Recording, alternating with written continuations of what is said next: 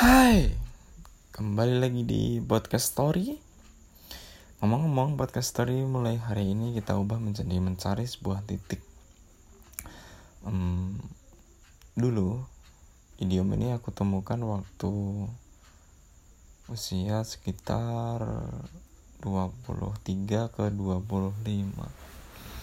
Jadi waktu itu ceritanya saya lagi nulis yang sebetulnya nulis itu adalah bentuk dari sebuah relaksasi atau bukan bukan relaksasi tapi lebih ke refleksi bukan? Introspeksi bukan? Um, terapi mungkin.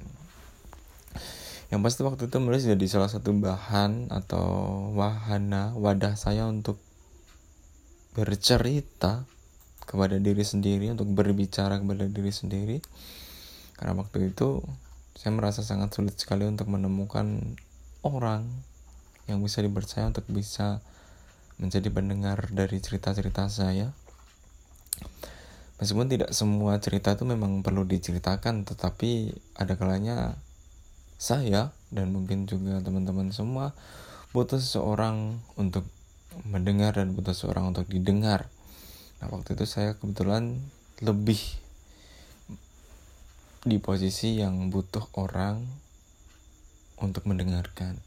Tapi lagi-lagi siapa yang mau mendengarkan kita kalau tidak kita sendiri?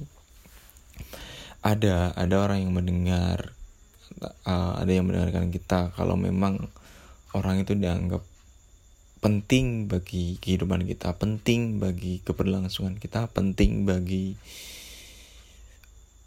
perkembangan orang tersebut. Kalau tidak penting ya ditinggalkan. Nah penting dan tidak penting itu tidak hanya berpaku pada mendengar dan didengar gitu.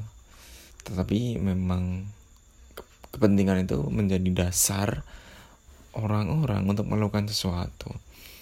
Kalau itu dianggap penting biasanya diperjuangkan. Kalau diperjuangkan berarti penting kalau tidak diperjuangkan berarti ya tidak penting kepentingan atau disebut juga oleh prioritas itu bisa jadi sesuatu atau bisa jadi alasan orang-orang untuk melakukan sesuatu. Nah, teori penting dan penting dan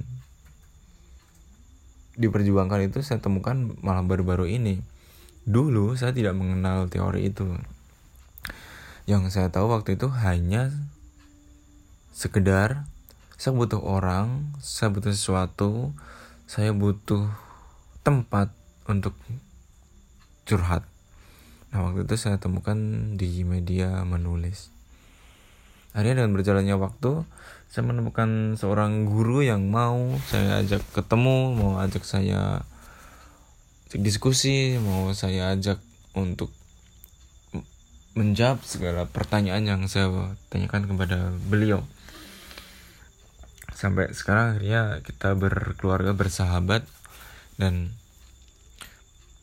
akhirnya setelah perjalanan kurang lebih tiga tahun proses belajar menulis itu buku pertama saya terbit tahun 2015 um, ngomong-ngomong soal tingkat kepentingan soal tingkat waktu dan sebagainya. Ngaco